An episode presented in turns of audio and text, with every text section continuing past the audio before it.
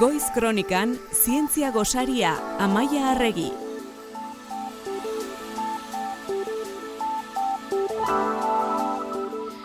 Udeberria hurbiltzen, natura mugitzen eta gaur zientzia gosarian zuaitzei buruz, arbolei buruz hitz egin behar dugu.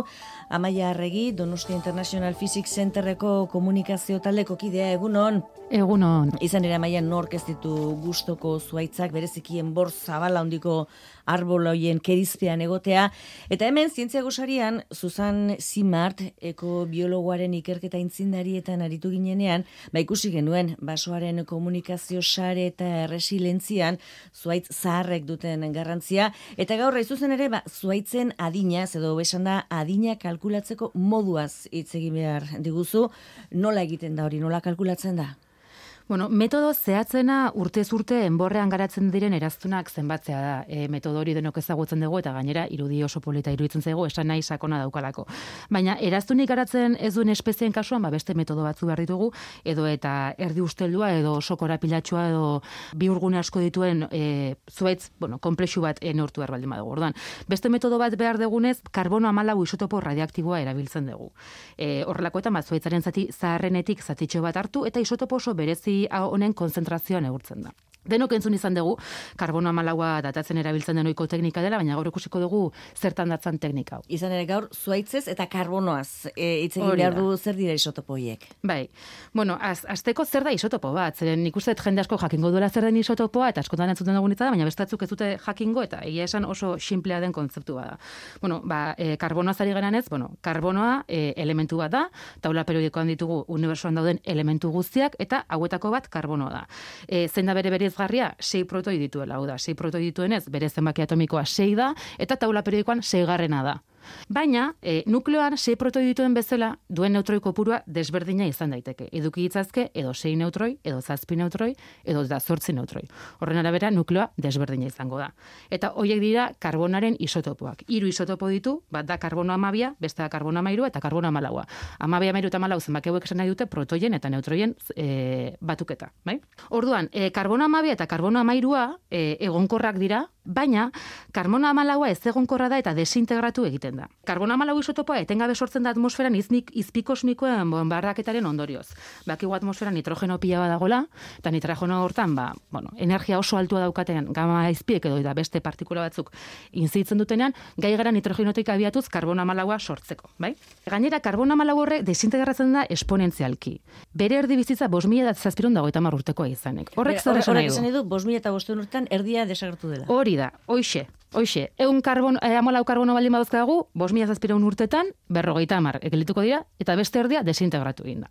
Bai? Ikus ez egun zertan datzen desintegrazio prozesua. Hau, nukleoan gertatzen den zeo zer da. Orduan, nukleoan, neutroi bat, desintegratu egiten da, eta hiru partikula ematen dizkigu. Protoi bat, Eta, gero, IES egiten duen, energia oso altuarekin IES egiten duen elektroi bat, eta antineutrino bat. Bueno, neutrino buruz hitz egin izan dugu programa honetan, baina gaur alde batera utziko dugu. Orduan, karo, nukleoan e, leno neutroi bat zena orain protoia da. Orduan, ja zauzkagu sei protoi, zazpi protoia dauzkagu. Orduan, ja ez da karbonoa taula periodikoan urrengo elementu bilakatu da. Eta urrengo e, e, elementua da nitrogenoa. Hau da, desintegrazio prozesuan karbona malaua nitrogeno bilakatzen da. Bai? Orduan, atmosferan desintegrazio prozesu hau etengabe gertatzen da, baina esan dugu izpikosmikoen bitartez ere karbona malaua etengabe sortzen dela. Eta orduan, sortze eta desintegrazio prozesu hoien artean, ba, e, oreka batera iristen gara, eta orduan, konzentrazio konstante bat izango dugu.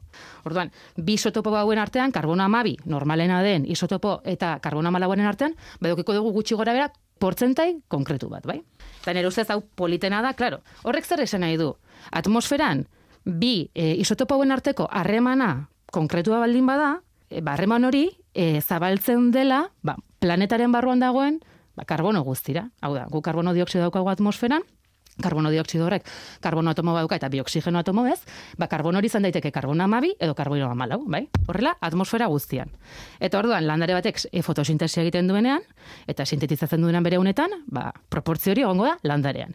Eta gero animalia batek landari jaten duenean, edo landari hori janduen animalia bat jaten duenean, bai, baita bere gorputzen edukiko du proportzio hortan. Beraz, materia organiko guztia, E, guztian, zabalduta dago proportzio hori karbono amalau eta karbono amabiaren artean. Zer gertatzen da, bizidun bat, hiltzen den momentuan, organismoak ez du karbono ama, e, amalau isotopo gehiago jasotzen bere unetan. Eta beraz, konzentrazio hori jaisten joango da, azaldu berri dugun, desintegrazio prozesu horren bitartez. Nitrogeno bilakatuz.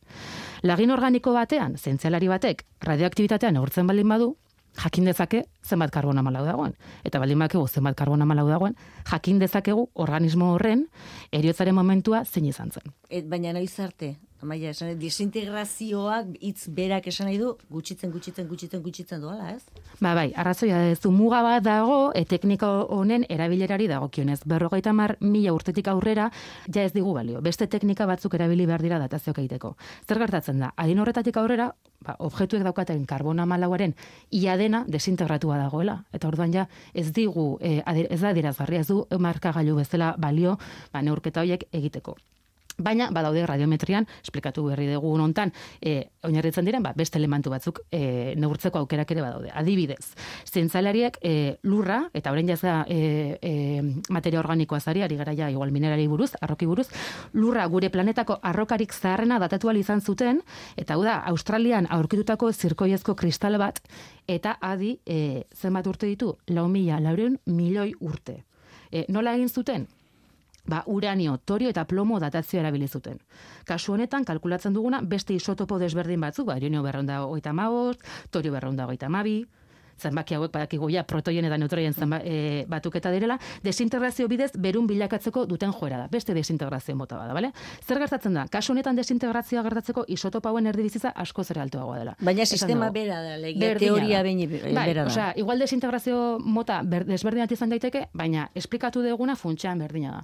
Baina, arbolez hitz egiten, hasi gara asko hitz egiten da zugaitz arbola milenario ez, batzu gainera oso ondo zainduta oso ondo izendatuta daude, e, benetan milenearioak dira, milak aurte dituzte, edo ziento batzu ba, azaldu dugunaren arira, karbono malauaren arira, claro, Gabriel Sanguesa Barreda eta Jose Miguel Onano Valladolideko Unibertsitateko zientzialariek aste honetan de Conversationen argitaratutu duten artikulu batean, e, ba, azaltzen digute karbono malau datazioa esker izan dituzten, bueno, emaitzak, ez? Eta esaten digutena da, ba, esan berri dezuna, ba, bistizismo handia dagola zuaitzen adinari dagokionez.